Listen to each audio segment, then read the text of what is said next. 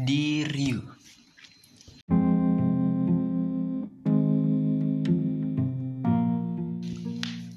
Awal pertemuan kita memang tidak ada yang istimewa. Namun, sejak pertama aku melihatmu, aku sudah tertarik padamu. Pertama, aku pikir ini hanya rasa kagum saja. Tapi ternyata aku salah. Aku mencintaimu dengan sadar. Aku mulai mendekatimu, itu hal terbodoh yang pernah aku lakukan. Sebenarnya, aku sangat malu. Tapi kucoba untuk memberanikan diri. Teman-teman juga sudah tahu tentang perasaanku terhadapmu. Namun, kamu hanya diam dan bersikap biasa saja terhadapku. Kita sering jalan bersama-sama, makan bersama, masak-masak bersama, ke pantai bersama, karaoke bersama, main time zone bersama.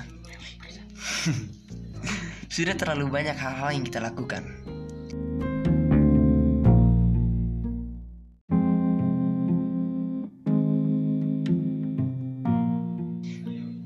Mungkin aku tidak akan melupakannya.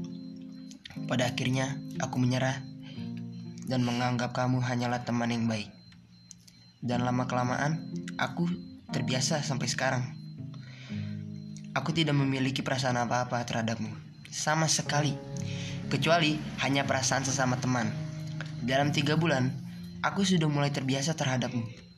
Aku merasakan pertemanan lebih baik tanpa ada rasa cinta yang terselip.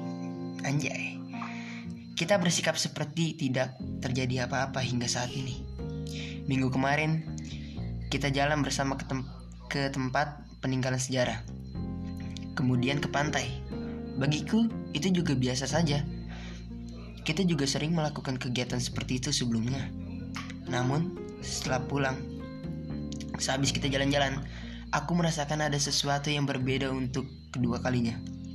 Aku rasa aku aku mencintaimu lagi. Aku teringat apa yang telah kita lakukan di sana tanpa kita sadari. Kita bahkan terlihat seperti orang yang memiliki hubungan khusus.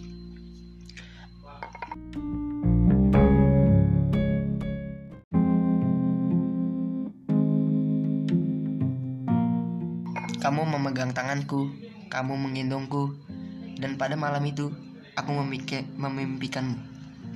Kau tahu, aku memimpikanmu dalam mimpiku. Kau menyatakan bahwa kau juga mencintaiku, dan aku menangis karena bahagianya. Aku terbangun, ternyata aku hanya mimpi.